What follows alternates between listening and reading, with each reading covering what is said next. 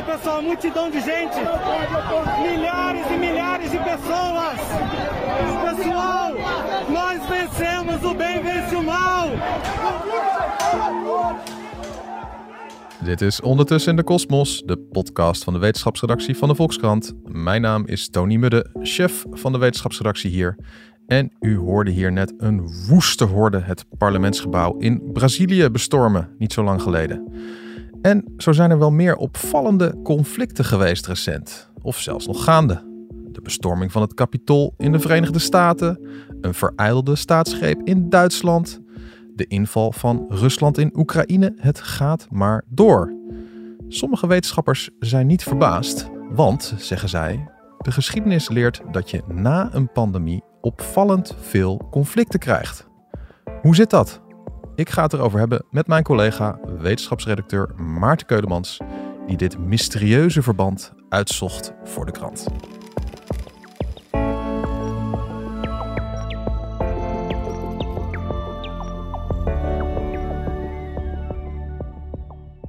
Maarten, eerst even de basis.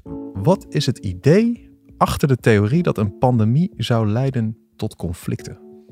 Nou, een, een pandemie is natuurlijk een uh, natuurramp. En je ziet eigenlijk altijd naar natuurrampen dat de maatschappij ontwricht raakt, heftig verstoord raakt. Ja, de economie valt stil, mensen worden werkloos. Het zijn vaak jonge mensen die werkloos worden. Nou, die mensen die gaan zich vervelen, ja. hangen rond op straat. Zijn dan, ja, weet je wel, die, die uh, hebben tijd over om uh, eventueel dingen te gaan uithalen het zaadje voor ontevredenheid is gelegd. Je hebt geen werk meer, je wordt arm. Nou ja, eigenlijk een beetje wat we afgelopen jaren ook tijdens corona wel heel goed hebben gezien. Hè? Dat je gewoon ja. ziet dat mensen gewoon, uh, ja, de horeca moet dicht, winkels moeten dicht. Veel onvrede. En uh, dan krijg je dus dat mensen zich gewoon gaan, gaan keren tegen van alles en nog wat. Dat, dat kan zich een weg naar buiten vreten. En dat kan zich uiten in straatdemonstraties, uh, in geweld. En uh, dat is een beetje het idee. Zo'n pandemie is eigenlijk gewoon iets wat, wat tegenstellingen in de samenleving vergroot. Mensen die al arm zijn, die zijn vaak de dupe. Die moeten de vervelende klusjes opknappen. Ja. Iedereen zit thuis in lockdown veilig voor het virus. Maar ja, de arme mensen die moeten er toch weer op uit. Omdat zij uh, niet een beroep hebben wat ze thuis kunnen uitoefenen. Mm -hmm. Allemaal dat soort dingen, dat telt op tot nou ja, een, een, een, een mix die kan leiden tot geweld. Ja, ik heb, ik heb zelf ook wel eens gedacht van stel, uh, wij, spreken, ja, wij zijn zo'n journalisten, wij konden dan redelijk makkelijk met een telefoon en een, uh, en een laptop doorwerken. Maar stel, weet je wel, er zou dan een lockdown komen waardoor wij ons beroep ineens niet meer mogen uitoefenen. Of niet meer kunnen uitoefenen. Zoals andere beroepen. Nou, ik denk dat ik ook een stuk gefrustreerder in het leven had gestaan. Ja, ja nou ja. weet je, ik, ik ben heel actief op sociale media, zoals, zoals jij weet. En uh, misschien sommige luisteraars ook. Ja. En ik merk op, op Twitter, waar ik veel doe, dan merk ik gewoon dat de mensen die heel boos zijn, ja, af en toe dan vraag ik die mensen wel eens van, goh, nou ja, achter de schermen en vraag ik dat dan via een, een, direct berichtje. Wie ben jij eigenlijk? Wat, wat, is, jouw, wat is jouw zorg nou eigenlijk? Mm -hmm. En als je het een beetje doorvraagt, dan blijkt eigenlijk dat het gaat heel vaak om mensen die, nou ja, die zijn gewoon, die voelen zich opzij gezet door de coronamaatregelen. Ja. Het zijn ondernemers die, uh, die hun werk niet meer hebben kunnen uitoefenen. Een muzikant bijvoorbeeld, die, uh, nou ja, die kon de hele tijd, een concertmuzikant, hij kon heel, heel lang geen concerten geven tijdens corona. Ja. En is daar gewoon ontzettend boos over. Ja, kom op, ik ben jong, ik ben die ziekte treft mij helemaal niet. En dan mag ik ineens mijn beroep niet uitoefenen. Ja. Dus dat zijn dat soort frustraties. En die frustraties die dan opborrelen tijdens zo'n grote virusuitbraak en alle maatregelen die daarbij horen, die, ja. snap, die snap ik, die snap ik meteen. Maar nu denk ik van ja, bijvoorbeeld ja, een land als Nederland of Duitsland of nou, vele andere landen iedereen kan weer doen wat hij wil, toch? Ja, ja maar vaak What's zie je, in de geschiedenis zie je vaak dat, dat die, die opstanden vaak nog een hele tijd doorgaan. En dat het ook vaak pas komt na de eerste klap, na de eerste echte pandemie. Mm -hmm. Dan zie je eigenlijk dat, nou ja goed, die, die, die economische schade die komt dan pas uh, vaak echt op gang. Voedselprijzen gaan omhoog, uh, rente gaat omhoog. En uh, dat is vaak weer een mix waardoor nou ja, gewoon uh, weer economische problemen ontstaan. Ja. En mensen dus alsnog weer dat, dat zaadje hebben om in opstand te komen en boos te worden en dingen anders te willen. En wetenschappers die hier onderzoek naar uh, doen, die zullen natuurlijk op de een of andere manier van, van ontstaan er meer conflicten tijdens en na een pandemie. Die zullen op de een of andere manier een soort maatstaf moeten hebben voor wat dan een conflict is. Ik bedoel, Ja. een, een, eh, een ruzie in de kroeg eh, is iets anders dan een loopgravenoorlog in de Donbass. Zeker. Ja, zeker. dus hoe, is daar, hoe definiëren ze dat? Daar is een NGO voor, een non-governementele organisatie. ACLED heet dat. Dat is de Armed Conflict Location and Event Database. Hele mond vol. Ja. En dat is een club die houdt gewoon echt bij aan de hand van plaatselijke nieuwsberichten en plaatselijke media. Van wat gebeurt er allemaal op de wereldbol aan geweld. Ja. Ze maken ook een onderscheid hè, tussen, tussen echt oorlogen eh, of, of militiegeweld. Dus, dus gewapende groepen die erop uittrekken om stennis te schoppen. En ook gewoon vreedzame protesten, die turven ze ook. En zo'n database, dat geeft gewoon een heel goed overzicht van, van ja, wat er allemaal aan geweld gebeurt op, op aarde. En het leuke is, je ziet ook tijdens de coronapandemie zien ze iets heel interessants eigenlijk. Dus ze zien, het eerste wat ze zien is wereldwijd, nou ja, bij de eerste lockdowns zien ze gewoon echt een afname van al het geweld wereldwijd. En dat is ook logisch, weet je. Er werden lockdowns eh, afgekondigd. Dus nou ja, eh, ook, ook Het is lastig vechten met Het is lastig vechten als je thuis moet Als je blijven. thuis moet blijven, ja. Precies. Ja. En, en ook eh, staten die, die eh, legden, legden de wapens neer. Dus gewapende conflicten die kwamen even tot stilstand. Want ja, als, als overheid heb je even, echt wat anders te doen dan oorlog voeren op het moment dat jouw land in brand staat. Ja. En eigenlijk zie je vrij snel daarna zie je juist weer een opleving van het geweld. Dus een beetje in de, de zomer, herfst van 2020, Mhm. de eerste corona-herfst. Dan zie je het geweld weer opleven, wereldwijd. Eh, met name overigens in Afrika zie je het heel, eh, heel hard gaan. En eh, aan het eind van 2020 had je gewoon nou ja, meer geweld dan we voor de coronacrisis hadden. Ja, ja. En ja, je wil natuurlijk die wetenschappers die hier onderzoek naar doen, die hebben dan iets nodig van ja, vergelijkingsmateriaal. Die coronapandemie, die heeft iedereen wel in zijn hoofd zitten. Maar hoeveel pandemieën hebben we hier eigenlijk hiervoor gehad? Ja, precies. Nou ja, daar wordt het natuurlijk heel erg tricky. Eh, de wereld was ook al gevaarlijk eh, en, en onrustig voordat corona kwam. Laten we wel zijn. Er waren natuurlijk conflicten zijn van alle tijden. Ja, Dus dat is één ding wat, wat, wat erg eh, meespeelt. Je moet echt kijken van hoe verhoudt zich dit door de tijd heen. Mhm. En eh één hele belangrijke bron van informatie, dat is gewoon de historische informatie. Ik heb voor mijn artikel onder meer gesproken met eh, Beatrice de Graaf, die hier onderzoek naar doet. Ja. Bekende Nederlander een beetje, is zij als terrorisme-expert. Mhm. Toen ik haar sprak, zei ze over, ja, ze noemen mij altijd terrorisme-expert, maar ik ben eigenlijk gewoon historicus. En ja. ja, rellen tijdens cholera in de 19e eeuw, dat is echt mijn specialisme. Ja, echt gewoon de, de geschiedenis van conflicten, Ja, toch? de geschiedenis van conflicten, Haar core is- business. Ja. Ja. internationale geschiedenis is. Zij heeft een leerstoel internationale geschiedenis. En, eh, nou ja, eh, en ik heb heel veel eh, nou ja, artikelen gelezen, veel, veel wetenschappelijke publicaties over, nou ja, wat gebeurde er nou vroeger na epidemieën? Wat gebeurde er nou na de pest? Wat gebeurde er na cholera? En je ziet eigenlijk altijd datzelfde patroon, dat, nou ja, dat er onrust ontstaat en dat er ja, rellen komen, dat er opstanden komen. Ja. En ook een belangrijk element, ook zeker in het verleden, is het zoeken naar een zondebok. Eh, de pest, dat was echt zo'n heel bekend geval. Want telkens als de pest ergens rondging, ja, dan gingen uh, maatschappijen gingen om zich heen kijken. Ja, uh, wie, wie heeft het gedaan? Het zijn die vieze buitenlanders die het hebben meegenomen. Het zijn de Joden weer. Oh, en dan krijg je ja. dus allemaal dat soort bewegingen, van die onderbuikbewegingen. En ja, dan krijg je dus pogroms. Uh, gaan, gaan mensen dus de Joden vervolgen. Want dat zijn de viezerikken die ons die ziekte hebben bezorgd. Ja, dus op die manier ontstaan de conflicten. Ja. En wat, wat deden ze toen ook al aan lockdowns? Dat, die, die, die tijd? Uh, ja, soms deden ze zeker ook aan lockdowns. Cholera uh, is een bekend voorbeeld. Bijvoorbeeld in nou ja, de stad Koningsberg in, in Duitsland. Die is een keertje in de lockdown gegaan. De stad moest op slot. Iedereen moest binnen blijven. En vervolgens brak daar over natuurlijk gelijk ook de pleuris uit. Kreeg gelijk een opstand. Het volk kwam in opstand tegen die lockdown.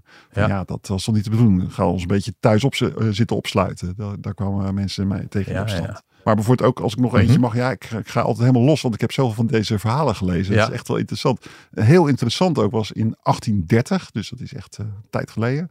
Ook een cholera-epidemie. En dan zag je dat in heel Europa eigenlijk gewoon ja, cholera-rellen ontstonden. Allerlei opstanden. Je zag bijvoorbeeld in Hongarije. Daar zag je dat, eh, nou ja, dat de, de, de arme mensen die gingen dat botvieren op de rijken. Er waren dorpjes waar, waar het gerucht van op een gegeven moment rondging. Van ja, eh, dat wij nu allemaal ziek zijn. Dat komt omdat die, die rijke lui, de, de adelen, die hebben ons water vergiftigd. En het kwam ook echt van dat ze dus eh, kastelen gingen bestormen van edellieden.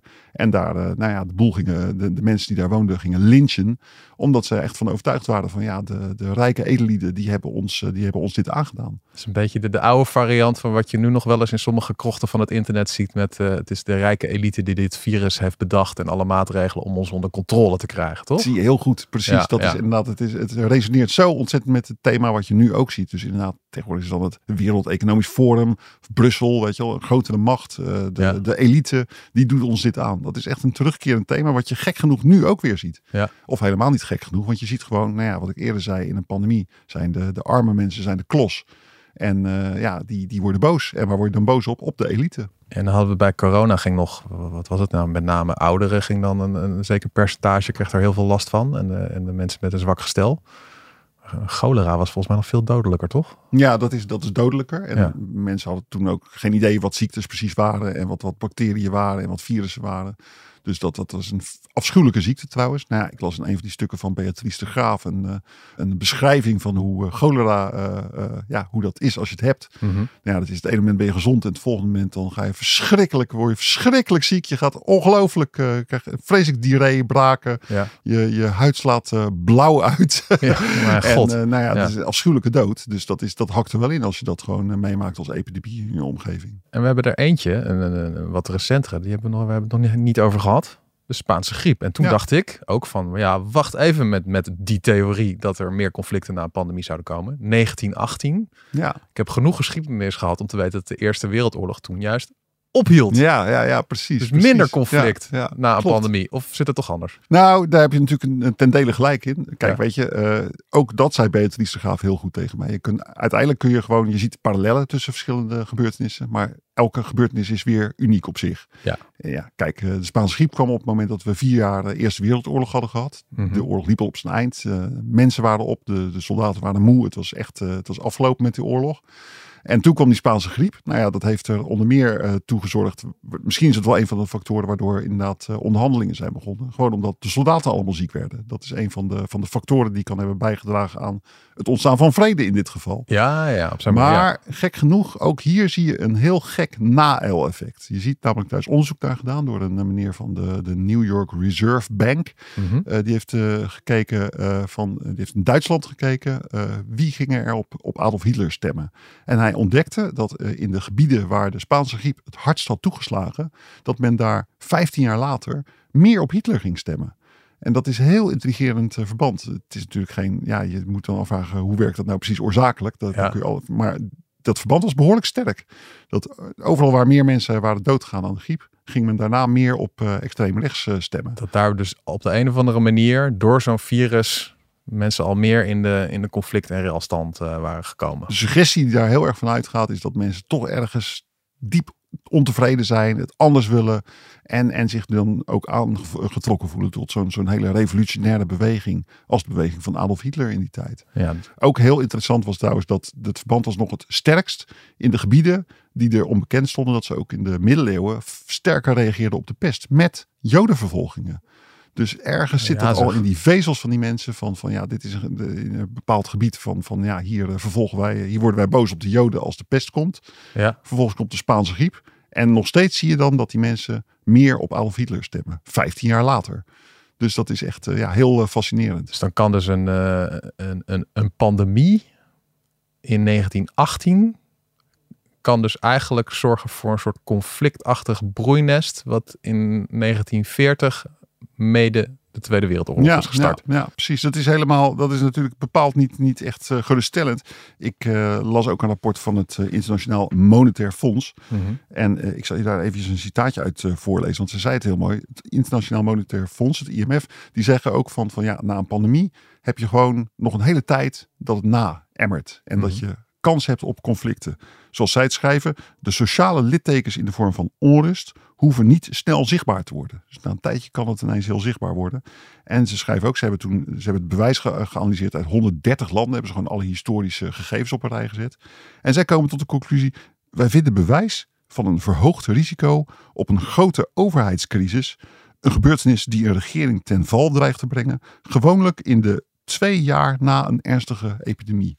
Jeetje. Ja, ik zie jouw ogen een beetje groter worden. En dat, precies, dat ja. was bij mij ook inderdaad. Ja. Ik heb die zin ook een aantal keer naast te lezen. Best wel heel griezelig eigenlijk. Dat je dus in de twee jaar na een, een heftige ziekteuitbraak. dat je dan een verhoogde kans hebt op, op opstanden. Nou ja, het was natuurlijk wel heel opvallend ook wat er in Amerika gebeurde met het Capitool in Brazilië, met het parlementsgebouw. Ja, En ja. toen hadden we ook nog, dat, dat vond ik zo'n raar verhaal, van die, dat in, in Duitsland zo'n hele groep, zo'n koep, gewapende koep aan het voorbereiden was. Dat je denkt, Duitsland, kom op jongens. Ongelooflijk, Ja. hè? Het, het stabiele Duitsland. En daar was ook de hand van de coronapandemie, die was heel goed zichtbaar. Want de, die opstand werd uitgevoerd door de, de Rijksburgers, de Rijksburger. Ja. En eh, dat is een heel marginaal, gek clubje die eigenlijk gewoon ja, eh, complottheorieën eh, aanhangen. Zij Mhm. hangen de complottheorie aan dat, dat, dat ja, de regering die in Duitsland is, dat is geen legitieme regering. Eigenlijk is de keizer gewoon nog de baas. Dat is in het kort gezegd wat zij, wat Ja, zij ja, ja. En eh, het grappige is dat zij, eh, nou ja, die complottheorie werd altijd, ze bestaan sinds de jaren tachtig. Eh, Toen is het begonnen. En al die tijd eh, leidden ze eigenlijk een vrij sluimerend bestaan. Mhm. Maar tijdens de coronapandemie kregen hun demonstratietjes, die werden ineens heel groot. Er waren ineens heel veel mensen die tegen de overheid waren. En die Ja, begonnen te roepen van ja, deze overheid is nep en het klopt niet. En nou, ja, die de straat op gingen.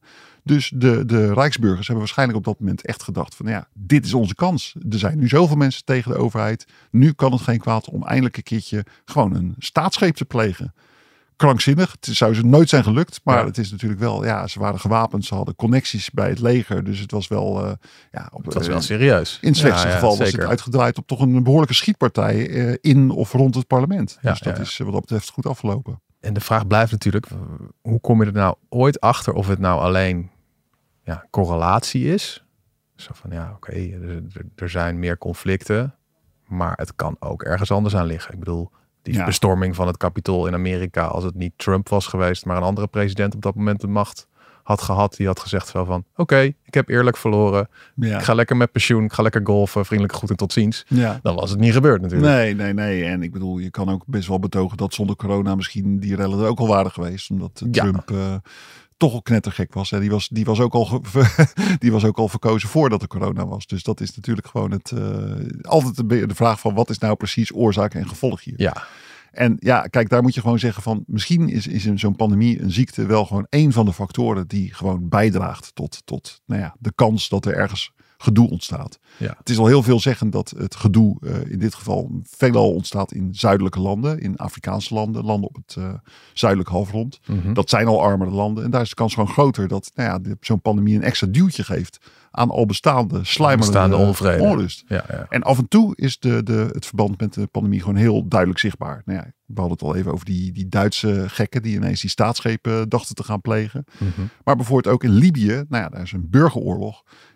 Corona kwam en op dat moment moest eh, de VN, die was net begonnen met eh, vredesonderhandelingen. En die hebben de vredesonderhandelingen moeten opschorten. Gewoon puur vanwege de coronamaatregelen en de Ja, ja, ja. lockdowns. Nou, je kan je voorstellen dat dat, ja, dat dat niet de vrede ten goede komt. Nee, precies. Dus daar is het echt gewoon het direct aantoonbaar van Ja.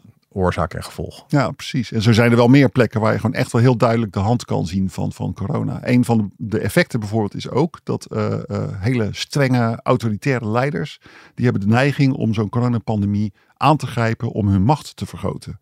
Er Ja. zijn een aantal landen waar dat is gebeurd. Een heel mooi voorbeeld is Guinea, het West-Afrikaanse land. Daar, daar was het al heel onrustig en heel onstabiel. Je had daar een president zitten, eh, Alpha eh, Condé heette die man. Mhm.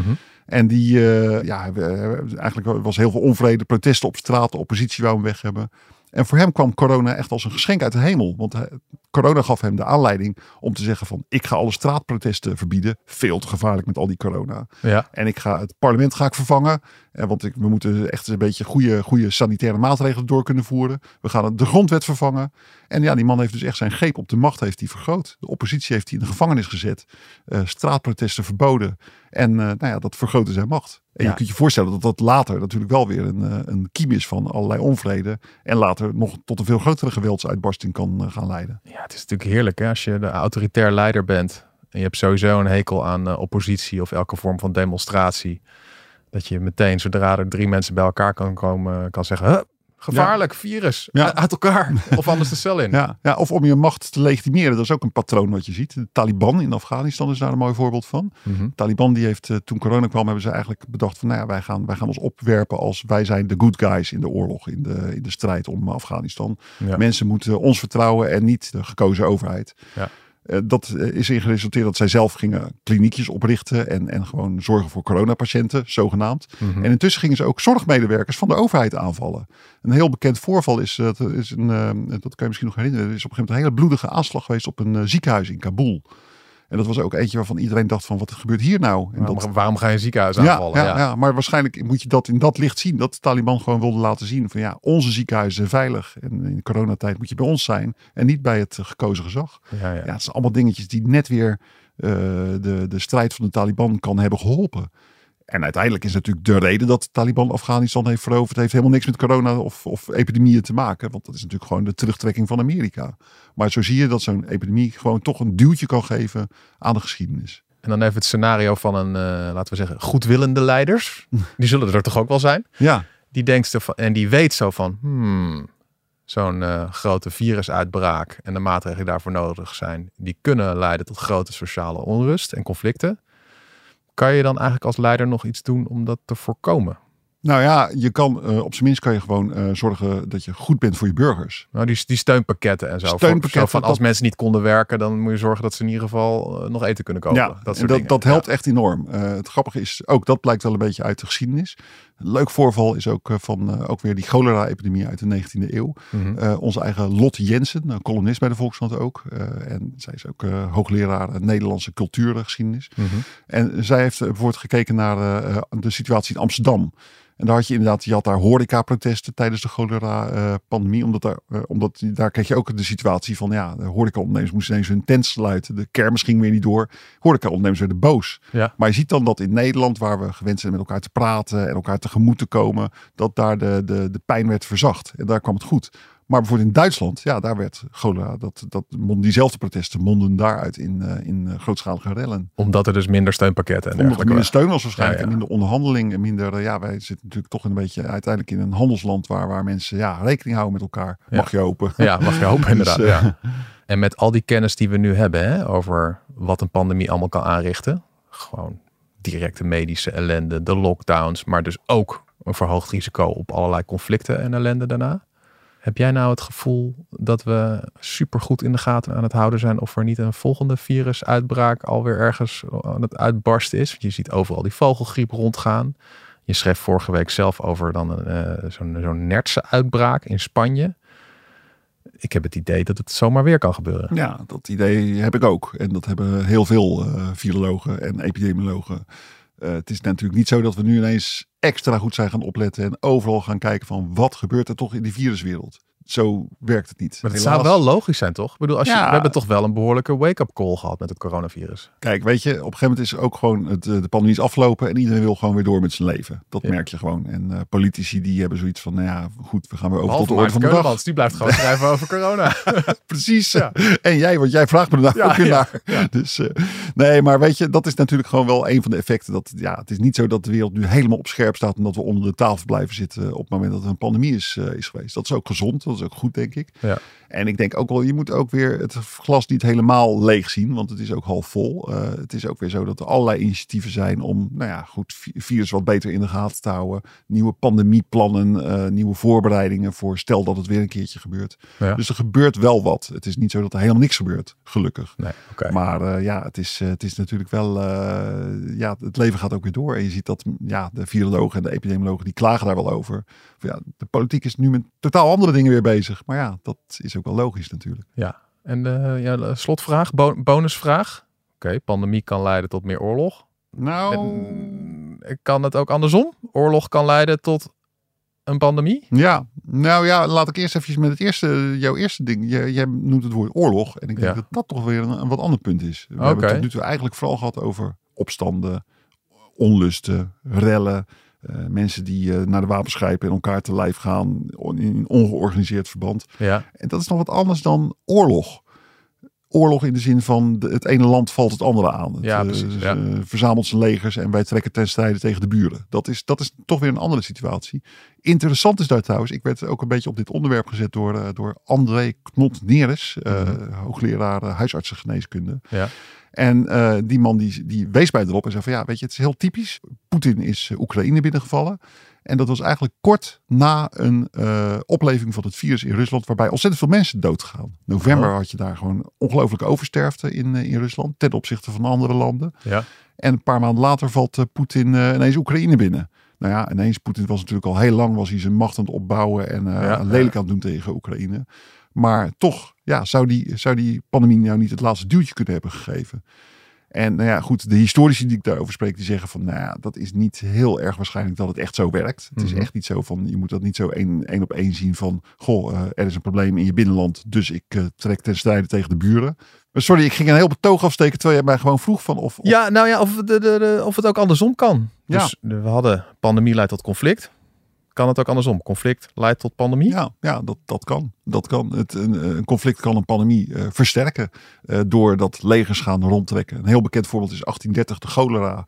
Nou, die, was, eh, die is door de Russen, is eh, door Russische legers die naar Polen kwamen om daar opstanden in de kiem te smoren. Ja, die Russen die namen de cholera mee naar Polen, waardoor het naar de rest van Europa is overgeslagen. Dus dat soort dingen gebeuren. De Spaanse griep is daar trouwens ook een voorbeeld van. Ja, de Spaanse griep heeft waarschijnlijk veel sneller en efficiënter over de wereldbol kunnen verspreiden. Doordat dit net 1918 was, de tijd dat alle soldaten naar huis gingen en dat er overal eh, op aarde troepenbewegingen waren. Ja, ja, ja. En ja, weet je, soldaten die zijn natuurlijk, die leven niet in de meest gezonde omstandigheden. Dus die zijn ook bevattelijk voor allerlei eh, ziektekiemen. Nou ja, ze dragen luizen mee in het verleden. Mhm. En allemaal eh, eh, vieze, vieze beestjes en zo. Dus dat is, je kunt je voorstellen dat het inderdaad een, eh, een broedplaats, zo'n leger is een broedplaats voor, voor ziektes. En dan was die Spaanse griep er ook nog eentje die juist jonge doelgroep betrof, toch? Ja, ja, ja, ja. Dat is ook, wat dat betreft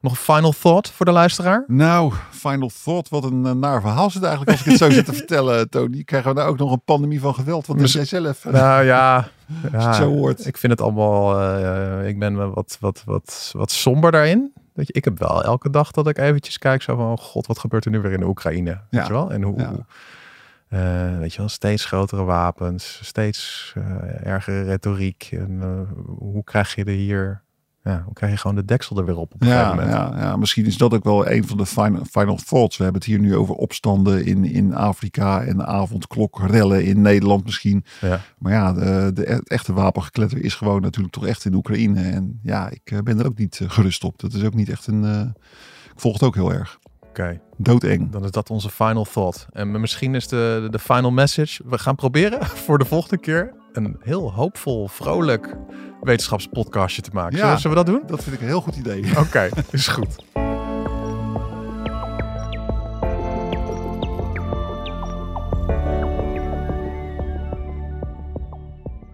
Dit was Ondertussen in de Kosmos, de podcast van de wetenschapsredactie van de Volkskrant. Grote dank aan mijn gast van vandaag, Maarten Keulemans.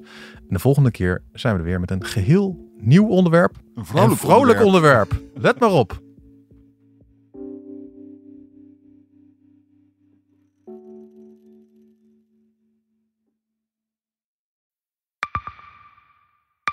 Zijn leven is overhoop gegooid. Plus dat heel veel mensen hem niet geloven. Vrienden niet, die, die denken, ja, hij is gewoon gek geworden. Hoe naar moet dat zijn? Als je vertelt over de meest indringende ervaring uit jouw leven en niemand gelooft dat je het echt hebt meegemaakt. Ja, ik vind zelf niet dat ik het verzonnen heb, maar sommige mensen denken dat wel. Maar hoe kom je erachter of jij het doelwit bent van een geheime dienst? Ik heb ook wel eens meegemaakt dat je het idee hebt dat inlichtingendiensten in je geïnteresseerd zijn. En dan kun je wel heel veel zien, wat er misschien helemaal niet is. Als ik s'avonds nog iets ging eten, dan volgden die mensen mij naar het restaurant. En dan terug van het restaurant naar het hotel. Als zij op een gegeven moment zei, kijk maar uit, want anders word je dadelijk nog wat voert ook. Shit, ik moet hier weg. Dat is, is niet goed. Nu word ik gevolgd. Een soort Truman Show is het gewoon. Hè? Alsof dat hele straatbeeld voor jou is ingericht. Maar dan wel met bedoeling ja, jou niet door te laten. Dit kan geen toeval zijn. Een nieuwe podcast van de Volkskrant. Mijn naam is Simone Eleveld en samen met Huid Modderkolk ontrafel ik een bizarre operatie van een geheime dienst. Wat het doel ook is, jij verliest het. Ik werd opgepakt, heel lang ondervraagd. Maar hoe krijg je grip in een wereld die zo onderzichtig is? Als je zou liegen, dan zou je niet de meest relevante informatie twee jaar later tussen neus en lippen doorvertellen. Er zal nooit iemand zeggen, oké Bart, ik geloof je. Nooit, nooit. Dit kan geen toeval zijn. Vanaf 3 oktober bij de Volkskrant. Ik weet niet of ik je ook alles kan vertellen. Het is echt te bizar. Wat? Ehm, ja,